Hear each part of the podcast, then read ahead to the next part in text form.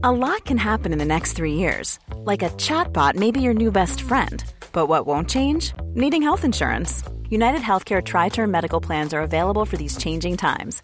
Underwritten by Golden Rule Insurance Company, they offer budget friendly, flexible coverage for people who are in between jobs or missed open enrollment. The plans last nearly three years in some states, with access to a nationwide network of doctors and hospitals. So, for whatever tomorrow brings, United Healthcare Tri Term Medical Plans may be for you. Learn more at uh1.com. Hiring for your small business? If you're not looking for professionals on LinkedIn, you're looking in the wrong place. That's like looking for your car keys in a fish tank.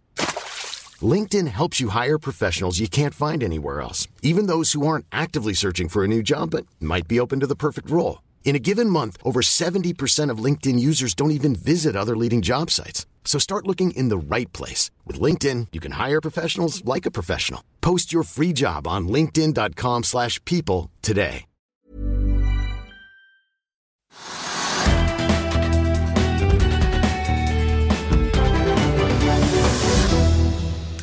God fredag alle sammen, og velkommen til ukens siste økonominyhetene på denne gudskjelovdagen 27. januar, idet vi raskt nærmer oss da slutten av årets første måned. Trygve Egnar er med oss for å runde av uken eh, straks. Hovedveksten på Oslo Børs endte jo så vidt opp 0,2 i går, og i dag har vi hatt bra fart også. Ser foreløpig ut til at vi ligger opp og kanskje lander da opp eh, drøye halvprosenten. Og dermed kan vi, hvis vi er heldige, da akkurat holde ut eh, der vi er nå, sånn at vi da ender uken i null, i hvert fall på en 1189 poeng ca., akkurat som sist fredag. Det betyr i så fall at eh, vi så langt i år har sett en oppgang på hovedveksten på 0,05% Det er eh, får vi si, bak de andre store børsene. SMP 500 så langt opp 5,75 i år. Nasdaq nesten 10% Dow Jones 2,4 og MSCI World-indeksen, som mange også følger med på, opp 6,1% Dagsindeksen i Tyskland også ganske bra, opp nesten 9 den også. Futures på Wall Street de peker litt ned, i hvert fall foreløpig. Og dermed blir det kanskje en liten tilbakegang etter den solide oppturen vi så på Wall Street i eh, går. Her hjemme tikker eh, Kitron opp en drøy halv prosent etter bestillingen fra Kongsberg Gruppen knyttet til leveran leveranser da, til deres missilordre. For Kitrons del er det snakk om 260 millioner. Vi har sett Aker BP klatre oppover nesten 3% i dag. De kommer jo med en eh, produksjonsoppdatering for fjerde kvartal i morgentimene og melder om en produksjonsvekst fra 412 til 432 000 fat per dag, med noe lavere priser da i fjerde kvartal enn tredje, og et uh, tap i regnskapet på, som de da estimerer til mellom 600 og 700 millioner dollar, takket være nedskrivninger ledet an av Wisting-feltet i Barentshavet, som også er utsatt minst fire år, uh, ifølge operatøren. Equinor. Og så får vi også ta med at tapet der kommer primært av at de regner med en økt effektiv skattesats etter at de gikk glipp av oljeskattepakken på det prosjektet, og regner nå med en effektiv skattesats på Wisting på 95 Den fulle kvartalsrapporten kommer 10.2, to, dager to dager etter Equinor, altså, som er opp en snaue 2% i eh, dag. Vi må også kjapt litt innom våre naboland. Hens Hensa Maurits i Stockholm ned ca. 5 i dag etter deres kvartalstall, som både var svakere enn ventet, eh, får vi si, og selv om da utbyttet er litt høyere enn ventet, så peker HM på negative effekter både fra økte råvare- og fraktkostnader, en sterkere dollar og også økte energipriser. Danske Vestas er ned 2,5% på København-børsen, har hentet seg litt inn igjen. De kom jo med et resultatvarsel tidligere i eh, dag, og vindmølleprodusenten påpeker at inflasjon og forsinkelser rammer hele vindbransjen. De setter av 210 millioner euro til økte garantiutgifter, og tar også et tap på 95 millioner euro på en av turbinmodellene deres. Totalt snakker vi altså et tap på rundt 3 milliarder kroner cirka i regnskapet. Det er jo ikke lenge siden da energiselskapet Ørsted i nabolandet vårt sør over Skagerrak varslet et tap på 2,5 milliarder danske kroner i sitt eget resultatvarsel, hvor de da skrev ned verdiene på et havvindprosjekt i USA bl.a. Vestas skriver at de regner med at 2023 innebærer færre installasjoner og fortsatt press på marginer og inntjening. Ja, De varsler til og med en negativ driftsmargin i år, selv om de håper da å se for seg vekst i 2024. Vil du bli oppdatert på det viktigste som har skjedd innen finans og næringsliv? Da er det bare å følge med, for hver morgen er jeg, Marius Lorentzen og aksjekommentator Karl Johan Malnes på plass i studio for å ta tempen på dagens marked i Børsmorgen. Og hver ettermiddag oppsummerer vi alt du trenger å vite i økonominyhetene, og det blir selvfølgelig masse interessante gjester. Klikk deg inn på fa.no-tv, eller søk opp Børsmorgen og Økonominyhetene der du hører på podkast.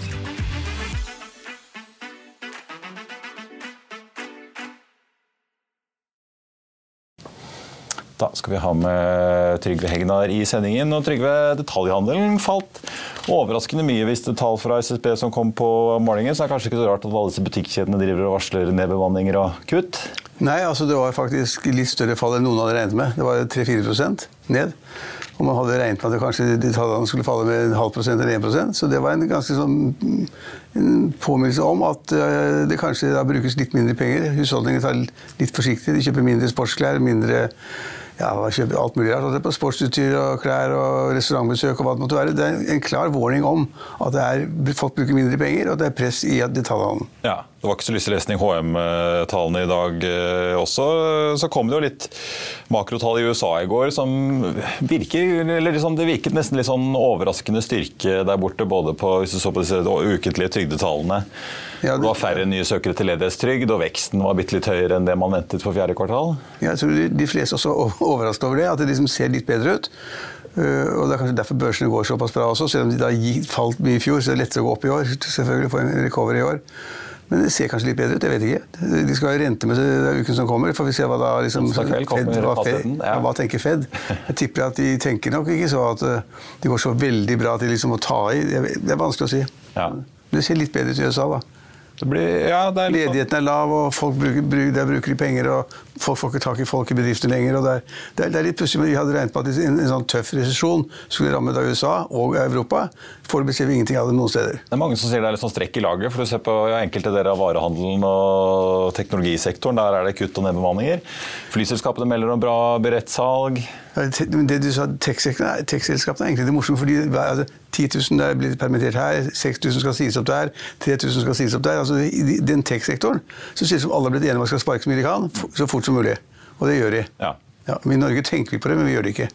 Det jo, men du så jo Microsoft-sjefen var ute, han skal vel si opp 10 000-12 000 snakket jo om på kvartalsprestasjonen de hadde denne uken, at uh, en veldig oppbremsing i eh, bedriftenes uh, bruk på skytjenester og alt mulig sånt bare fra november, desember og inn, og inn i nå i januar. Ja, men også amerikanerne er litt sånn pussige. fordi altså Hvis noen av de store selskapene begynner å si at bare for å safe, tenker liksom ta høyde for at da, vi må få bort kostnader, så følger de andre etter hele, hele rekka. altså Alle gjør det samme.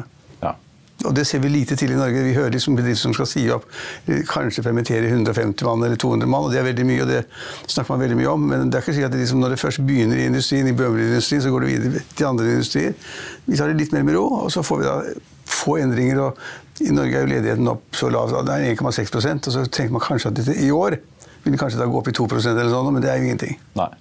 Ingen, men, men allikevel, norsk industri de, de hele tiden snakker om at liksom, nå er det så ille pga. strømkostnader og andre ting, at nå vil vi få da, en bølge av, av, av, av konkurser. Men altså, jeg tror ikke vi får det. Ikke ennå. Nei, Knut Sunde i Norsk Industri var jo her i går, og han snakket jo nettopp om det, at det er så enorme forskjeller. Det er liksom I olje- og leverandørindustrien går det jo så det griner. De ansetter jo masse folk. Eh, og så er det andre som eh, butter imot og sliter. da. Ja, altså Hvis du butter imot i handelssektoren, ikke sant? og så kanskje noen industriselskaper, kanskje slakter andre som da bruker for mye strøm osv., eller bakerier og mindre mellomstore bedrifter, så ja, vi har en veldig todelt økonomi. Bare det at oljeprisen i dag er liksom opp over 88, 88 dollar per fat, gjør det at både Equinor og Aker BP stiger med 2-3% og Det er kjempestore selskaper. Det er verdier som flytter seg. Så liksom, alt er bra innen olje, olje og gass og offshore. Og det andre er litt skummelt. Og alle som driver med laks, sitter vel og klør seg i hodet om de skal høre på Geir Pollestad, Bjørnar Skjæran, ja, eller om de skal høre på ja, hva de, jeg tror, hva de skal altså, jeg, ja, Marius, men I den næringen så tror alle det at skatten ikke blir slik den da ble fremlagt først. Det vil si at denne 40% ekstraskatten den blir kanskje 15 eller sånn. Mm. Og det regner man på. Jeg får jo masse tilbud og regnestykker og greier. og Man burde absolutt sånn kjøpe SalMar og kjøpe lakseaksjer, for at skatten blir nesten ingenting av. Vi har klart, vi har klart å stoppe skatten, og det tror jeg er klart. Ja. Da er Senterpartiet skjønner at Hvis de da beholder det skatteforslaget som kom, eller budsjettforslaget som kom opprinnelig, så mister da Senterpartiet velgere langs hele kysten. Og de mister kanskje tre fjerde av alle ordførerne sine, og de orker ikke. Så den skattesatsen på ekstragevinsten, ekstra da, den blir lavere. lavere. Og, og, det regner man på. Og det, og det, er så mye kroner per kilo og så mye kroner per Ja, det regner man på. Men eh, tilbake til sentralbank. Det blir jo en spennende uke neste uke. Vi får Fed på onsdag. Europeisk sentralbanken og Bank of England kommer også med rentebeslutninger. Så det er jo en god del eh, det er viktige ting som kommer. Ting som kommer neste uke, ja. I tillegg til masse kvartalsrapporter, selvfølgelig. Ja, altså Det kommer viktige ting, og da er spørsmålet er en og en det. Vil det komme økte rente, altså vil rentene bli satt opp over en bred fjøl, sånn som innen Europa, også i USA? Det tror jeg. Ja. Vi er ikke ferdig med renteøkninger. Det kommer til å bli renteøkninger da, i, i, alle de sentralbankene vi kjenner og bryr oss om. Og det gjør at det blir da husholdningene får mindre penger, bedriftene får mindre penger, alle får litt mindre å rutte med, så det blir litt tøffere tider. Og, de får nå, og hvis det da blir den renteøkningen jeg tror det blir, og, det, og den, den, kommer, så blir det mindre å rutte med for de fleste. Og da vil rentenivået på en måte gå ikke ned, det går opp. ikke sant? Og Mange sier at vi trenger nå et, en rentereduksjon av hensyn til de som har boliglån og de som har obligasjonslån, eller hva det måtte være. Og den, den lettelsen får man ikke. Rentene kommer til å gå opp i Norge. Helt sikkert. Og det, er til og med noen som går rundt og tror det at liksom vi er ferdig med boligkrisen. At liksom nå, nå vil, vil, ikke liksom rentene bli, være så tyngende, og rentene vil ikke øke for de som har boliglån. Det er bare tull. Ja, for, ja, du, du, hadde jo en leder hva var det, nå, nå kan det bli boligprisfest? ja, det blir ikke det. Men noen tror det. Fordi det har vært flere folk på visningene enn man hadde regnet med. Så noen meglerhus sier da liksom at vi er veldig overrasket, vi er veldig positivt overrasket, for det kommer flere folk enn vi hadde regnet med. Og det har det kanskje vært også. Folk er nysgjerrige, vil se på hva som kjøpes og selges, og hvilke priser som kommer. Men det blir en renteøkning i mars, Marius, i Norges Bank. Og kanskje i juni? Jeg tror også kanskje det blir i juni, ja. nettopp. Kanskje to i år, helt sikkert én. Det betyr at de som har boliglån som i dag er ligger på rundt 4 ja. De vil kanskje da komme opp i 5 eller sånn nå. Og det merker folk. Og det vil si at så lenge vi har den tendensen til at renten går opp og ikke ned, og den kommer til å gå opp, så vil boligprisen bikke nedover. Derfor vil, tror jeg at, tror at vi vil få en nedgang i boligprisene sånn grovt sett med nyanser frem mot sommeren i minst, og kanskje utover høsten. Og kanskje, hvis det hadde kommet tydelige signaler på at Norges Bank vil sette ned renten, så kanskje ser vi da en endring i boligsentimentet i, i annet halvår. Kanskje, eller første halvår neste år. Så, så, det er ingen grunn til å glede seg ennå. Vi er ikke over renteøkningene. De kommer, og de kommer til å ramme husholdningene. Ja, Nordea var ute med prognoser eh, denne uken. Eh, de var ganske åpne på at ja, de tror kanskje boligprisen skal ned en 5 eh, til, men at det er veldig usikkert. Ja, og... På den ene siden har du renten, men så har jo også myndighetene i Norge sluppet litt opp på disse finansierings- eller lånereglene litt. som bankene må leve, leve, etter, så det dytter jo litt opp i andre enden. Ja, ja men, men altså, DNB kom jo da i går, og de var ganske negative. at liksom, Det blir tøffere i business, rentene kommer til å gå opp, og det er ikke noe sånn uh, easy way out i, i nærmeste fremtid.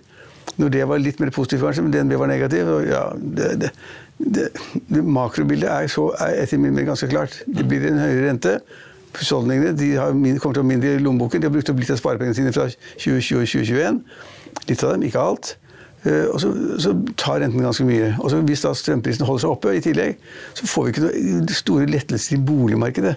Altså, De som skal betale mer for et hus eller en leilighet, de må liksom ha noe ekstra i lomma, og den ekstraen er borte. Kanskje. Apropos ordfører i hyttekommuner. Nå var vel regjeringen ute i dag og lovet at de skal i stramme tider holde mer på vann i magasinene. Men eh, det svir jo for hytteøkonomien i AS Norge. Både hyttepriser og også all, eh, alt forbruket tilknyttet alle disse hyttene. Når det er så dyr strøm og hvis folk da venter ja. seg for å være der. Ja, ja altså jeg tror det. at altså, de fleste som har hytter, bruker dem selvfølgelig i en eller annen ferie. Men de bruker kanskje litt mindre, bruker litt mindre penger. Reparerer litt mer, mindre enn før. Har færre rørleggere og elektrikere. og takteker og gress på tak osv. Man bruker mindre penger. Og, bolig, og, og hyttemarkedet er jo på en måte det er kraftig ned. Det er ned 30-40 sammenlignet med i fjor. Det er ganske alvorlig. Og, og ny, nyboligsalget det er jo ned 50% altså, det, er, det er kjempealvorlige tall. Vi har ikke fått merke det ennå, men det kommer. Derfor er det liksom bare å legge til grunn at vi får et svakere boligmarked. Prisene vil falle. Om de faller 5% eller 6% eller 7% mot snittet i fjor, det kan ikke jeg si noe om. Men det faller. Så vi går inn i litt dårligere tider. men og det så vi da på det, det som du sa først, også detaljhandelen er ned ganske kraftig. Så ja, Vi kan ikke love folk bedre boligmarked, vi kan, ikke, vi kan ikke love folk lavere boligpriser, men kanskje blir det bedre til neste år. Da, men da snakker vi 24, ikke sant? Ja. ja. Nordea trodde ikke på noe rentekutt neste år heller, de da, så vi får se. Ja, Det er, det er ganske spennende. da. Det er et sprik der nå, både i Norge og utenlands, mellom eh, hva markedet priser inn, og hva en del går og spår. Ja. Sentralbanktopper One size fits all seemed like a good idea for clothes Nice dress. Uh, it's a it's a t-shirt. until you tried it on. Same goes for your healthcare. That's why United Healthcare offers a variety of flexible, budget friendly coverage for medical, vision, dental, and more. So, whether you're between jobs, coming off a parent's plan, or even missed open enrollment, you can find the plan that fits you best. Find out more about United Healthcare coverage at uh1.com. That's uh1.com. I'll see you in court. Vi sier det ofte litt på spøk, men for deg som driver business, er det aldri moro å innse at du ikke har laget en 100% gyldig kontrakt. Du bør ikke risikere hele firmaet ditt fordi du synes dette med kontrakter er litt stress. En avtale er ikke en avtale. Du kan miste kunder, miste venner, ja, til og med miste inntekter om du ikke lager en skikkelig kontrakt, på alt mulig, egentlig. Men vi vet det er et styr. Kopimaskiner, tregprinter og haugevis av papir. Dessuten stoler vi jo på folk her i landet. Det er ofte litt kleint å skulle be om en signatur for alt mulig, ja, for mye av styret handler også om jakten på underskriften. Det finnes en enkel måte å løse dette på, Dukkobit, en trygg, effektiv og get this, gratis måte å sikre seg en god natts søvn pluss en juridisk bindende avtale. Dukkobit-appen har de strengeste sikkerhetskrav i bunn, samt en EU-godkjent og sertifisert teknologi. Framover vil det bli behagelig å spørre du, skal vi skrive under på det, eller? Kom i gang på dukkobit.no. Vi snakker litt om noen enkeltaksjer som har preget uh, markedet denne uken. Det ene er jo veldig driv i oljeaksjen etter at Chevron plutselig kom og klinket til en sånn kjempepakke med tilbakekjøp uh, av egne aksjer på vanvittige 75 milliarder dollar, som løftet både Equinor og mye på New York-børsen i går. Ser ut til å ha gitt god stemning her òg. Men uh, Borr har også kommet med det overrasket meg litt. Aksjen falt litt tilbake etter den meldingen, men de jekket jo opp prognosene både for 22 og 23, og det var liksom ikke måte på Ja, i en oppdatering her denne uken. Altså, Borr er et ganske spesielt selskap. Det er et stort riksselskap, og det har en verdi på rundt 13 milliarder eller sånn nå. Det er et stort selskap. De har vært forgjeldet hele tiden. Det er et sånn veldig spekulativt selskap, men jeg tror det er Frem som står bak. Har vært kjempeflink, fått i gang det selskapet, det blitt stort. Han har masse erfaring, vet hva han skal gjøre, men det som er det morsomme, er jo det at Og de har fått mer å gjøre etter hvert også, men, men fremdeles er de altså masse gjeld, og de har gjeld som forfaller nå allerede i mai-juni. Og det, det interessante er da at når de da klarer å fortelle markedet at den kjempedelen som skal refinansiere i år, altså i mai-juni, den har vi nå klart å refinansiere. Ja, De refinansierte nå, ja. Ja, men Da får vi mange milliarder kroner, og da går aksjekursen opp 5 mm. Altså, De burde jo hatt en finansiering som var litt sikre i utgangspunktet. da, Og at de da ikke liksom lever på nåde til markedet og hvem som skal putte inn penger, og kanskje med ny kapital også. Nå liksom på vårparten og mot sommeren, men, men så, sånn lever de. De lever liksom å refinansiere, holde på å få noen nye oppdrag, melde markedet om de nye oppdragene, melde markedet om at de har klart, vi har klart å finansiere oss, hvilket burde være en selvfølge, om aksjekursen går. Så det er en underliggende god tone til Borr. Det er tøffe øh, investorer der, og Trem er tøff han også. Øh, men aksjen skal ikke gå 5% fordi de forteller at de har ordret lånet vårt. Sånn er det jo ikke. Sånn burde det ikke være. Er et pust i bakken i en sektor veldig mange er fan av om dagen. i hvert fall. Ja, absolutt. Og det er masse, mange, som, mange vi kjenner som tjente utrolig mye penger i fjor. Innen in, in rigg og olje og gass osv. Og de er på vei til å gjøre det veldig bra i år også, men det er ikke så lett at du kan sende ut sånn pressemeldinger om at liksom, du har lånet vårt er på plass, og så går man aksjen hele tiden. Ja. Apropos finansiering. eh, Otovo har fatt, fatt jo nesten 8% i går, fortsatt en del noen prosent eh, til i dag. De har også kommet med finansieringsnytt, eh, kjører en emisjon garantert av denne svensken og har fått ny låneramme av nye banker. Det var jo før Nordea som eh, stilte med kreditten der eh, på da inntil 250 millioner. Nå får de eh, litt over en milliard eh, totalt sett da, fra DNB og Sparebank1 SR Bank. Ja, altså jeg er bekymret over Otovo. Altså Produktet er ganske spennende. Man har solceller på, sol, sol på taket, monter solcellepanel og uh, bruk det til eget bruk. Og du kan også selge noe i markedet hvis du klarer å få gjort det. Det høres fantastisk fint ut. Ideen er ganske god, men det funker ikke. fordi at Otovo har ikke sånne, det vi kaller skalaeffekter. Det er ikke slik at liksom, Når de har montert på ditt tak, da, solcellepaneler, og du får så mye kilowatt, hva det måtte være, så må du begynne på mitt tak. Det, Da begynner vi på nytt. Det er en elektriker eller noe annet som da monterer disse greiene og kobler det sammen. Monterer en måler osv. Og sånn er det fra tak til tak til tak. Fra by til by til by. Det er ikke, ingen skalaeffekt i det hele tatt. De får sikkert kjøpt inn disse eh, elementene i panelet litt billigere, eller krystallene eller hva det måtte være. Hvis de kjøper liksom fem ganger eller ti ganger så mye, og hvis de bruker, installerer 10 000 tak, så får de innkjøpt råvarer litt lavere pris, så tjener de mer penger. Men vi så nå kom de med tall som viste at de doblet salget fra 100 til 200 millioner kroner. Og da doblet også underskuddet fra 50 til 100. Så liksom på 200 millioner i salg, så er det 100 millioner i underskudd. Det er dårlig, og det går ikke. Og Derfor er de nødt til å hente penger. og De henter penger i markedet hos bankene sine, som du sier. Og de henter penger i markedet hos aksjonærene. Ja, for De påstår at noen av de mest etablerte landene går i pluss, og at det er all veksten i disse nye markedene. Ja, men det er sånn, og, ja, men Marius, de sier det samme som, og Jeg er så lei av å høre på å si liksom at, at det er så dårlige tall. Skyldes at nå skal vi inn i Danmark eller Sverige eller Finland eller Tyskland eller Østerrike.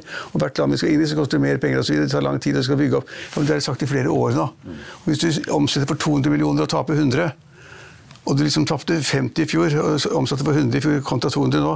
Det er dårlige tall. altså. Jeg, vært, altså, jeg har ikke den aksjen, jeg har ikke å kjøpe den. men Hvis jeg var investor ville jeg vært veldig skeptisk. Det ser ut til å være et fantastisk produkt. Ingen skalaeffekter. Må refinansieres. Får mer penger fra bankene, mer penger fra markedet. That's not, that's not good news. That's bad news. Og bankene i finansieringen har gitt dem to pluss ett år mulig opsjon. så vi får ja. se. Det blir vel et evalueringsmøte om et halvannet års tid. Ja, men derfor skal også aksjen ned. Mm ja, de må bevise et eller annet utover ideen. De må bevise at, liksom, at det kan, kan, fungere. Og at det hjelper å ha to tak og tre tak fylt opp i sånne paneler istedenfor ett tak. Mm. Og det har det ikke. Takk skal du ha, Trygve. God helg. Vi får eh, avslutte med at Norske Sko er opp 6 i dag på deres eh, tall, så da virker det som det går relativt greit. Det er snart helg, og det betyr også tid for motor. og Vi begynner fredagens bilprat med Tesla Model Y, som er Norges mest solgte bil. Nå har jo Elon Musk dumpet prisen, ikke bare her i landet, men også globalt. Og vi lar Model Y møte Volkswagens ID5 til duell på høyfjellet. Bare se her.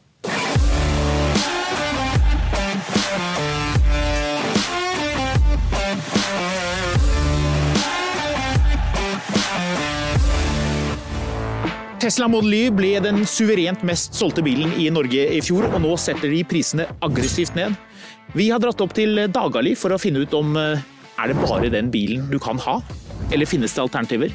Med oss har vi Volkswagen ID5, som eh, konserntvilling. ID4 ble Norges mest solgte. Så da får vi se, da hvilken bil som eh, passer deg best. For det er en del forskjeller mellom disse bilene. Den er dyrere og den har ikke like god rekkevidde som eh, Model Y, men eh, Volkswagen ID5 har faktisk noen ganske artige detaljer, som f.eks. disse kapteinstolene. Det er lekkert. Setene er for øvrig veldig gode å sitte i, og du kan skyve ut puten her. En ting Volkswagen dessverre ikke er like flink på som Tesla, er infotainment, for den skjermen her er dessverre fremdeles litt for treig. Men det er likevel et godt sted å oppholde seg, og en ting som er ganske fiffig med denne bilen her, er at du kan justere understellet noe du ikke kan på Teslaen. Så den bilen blir en god del stivere, mens her er det mer komfortabelt. ID5 GTX mer komfortabel. Her er det ganske sportslig. Dette er en kjapp bil, 0-100 på 5 sekunder. Veldig lekker og funksjonell skjerm. Og som elbilsjåfør så kjenner du deg riktig så trygg i denne bilen. Også litt fordi at Tesla har så mange superchargers-ladere som du bare kan koble til. Utrolig enkelt, veldig praktisk. Rekkevidden her er kjempegod, og denne bilen her er virkelig diger. Her er det mye plass. Du har et svært rom under her hvor du kan putte ledninger og mye annet. Men i tillegg så har du et rom her som er digert, og det samme på andre siden. Helt genialt. Hvorfor har ikke alle biler det? Der er det jo et rom, 117 liter, slett ikke verst. Faktisk ganske så mye bedre enn folkevognen som er null liter. For der kan du ikke ha noe som helst. Og Volkswagen påstår at dette er en bil som er bygget for å være en elbil. Men hvorfor ser det sånn ut under her, da? Merkelig. Altså, denne bilen er komisk bra. Hvorfor den har solgt så mye, og hvorfor den kommer til å selge mye, det er jo helt åpenbart. Plass, firehjulsdrift, ladenettverk. Hva mer trenger du?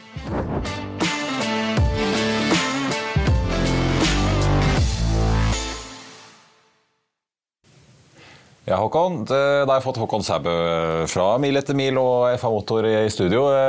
Nå avsluttet jo videoen ganske elegant med å sitte oppi frunken på Teslaen. Og når den har gått ned med hva da, 100 000 i pris, eh, Kan noen matche dette her, da? Ja, det er jo et veldig godt spørsmål. Nå er jo disse prisene litt sånn vanskelig å få tak på. For Tesla snakker jo om hva de har redusert sin pris med, men avgiften som du må betale, den kommer jo i tillegg. Så man må lete. Vektavgiften og, Ja, og på alt over 500 000. Da. Stemmer det. Så, så man må lete litt grann på siden deres for å finne den prisen. Men det er likevel eh, billig i forhold til eh, hva det var.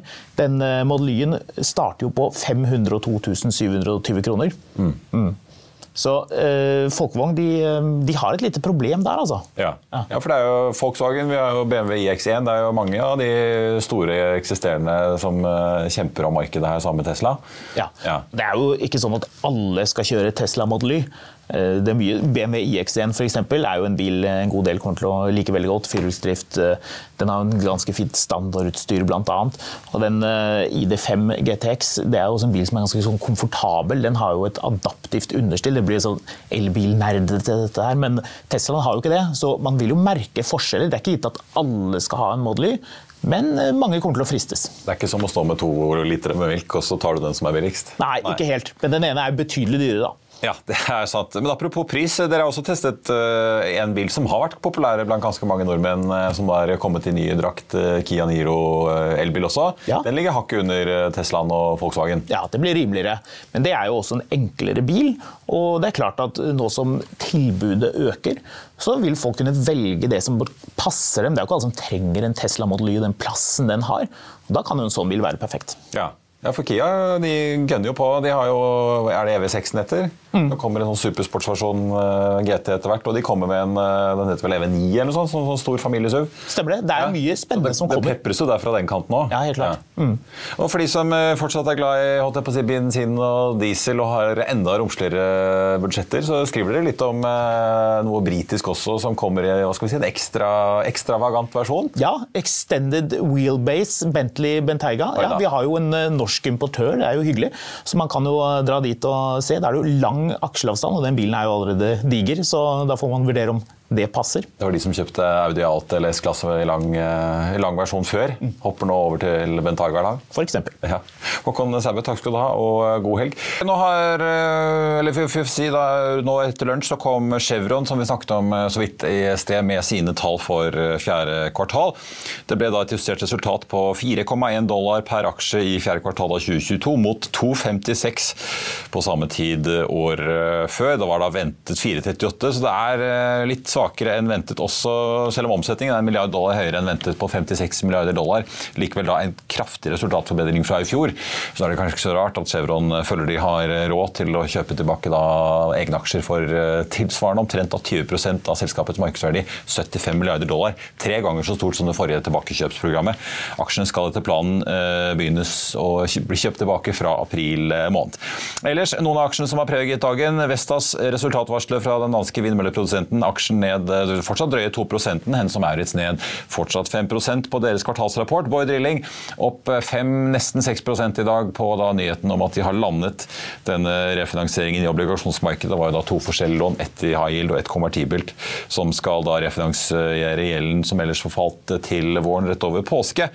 Og så har vi Norske Skog var opp, men har snudd tilbake og ligger ned drøye 3% nå på ettermiddagen på fredag. Og så har vi jo Tovo, som vi også snakket om, som også har falt en eh, Rundt 8 i går på torsdag, eh, ned nye 1,4 omtrent eh, i eh, dag på ukens siste børsdag.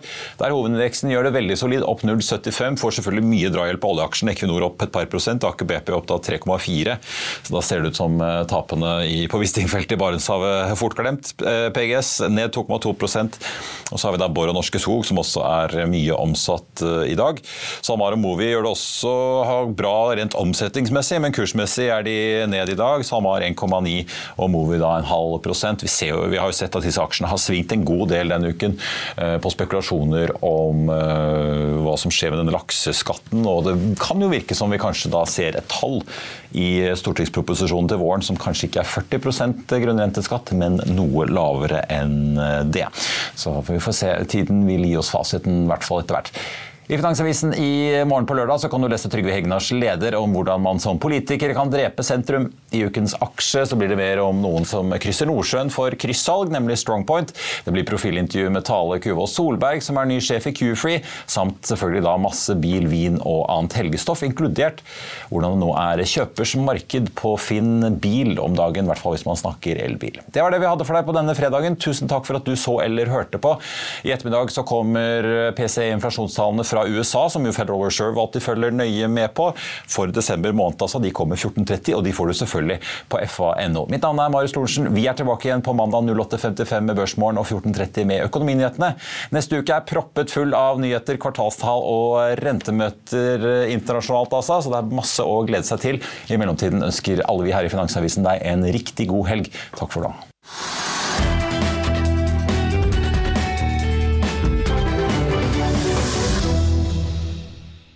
Økonominyhetene er en podkast fra Finansavisen. Programledere er Marius Lorentzen, Stein Ove Haugen og Benedikte Storm Bamvik. Produsenter er Lars Brenden Skram og Bashar Johar. Og ansvarlig redaktør er Trygve Hegnar.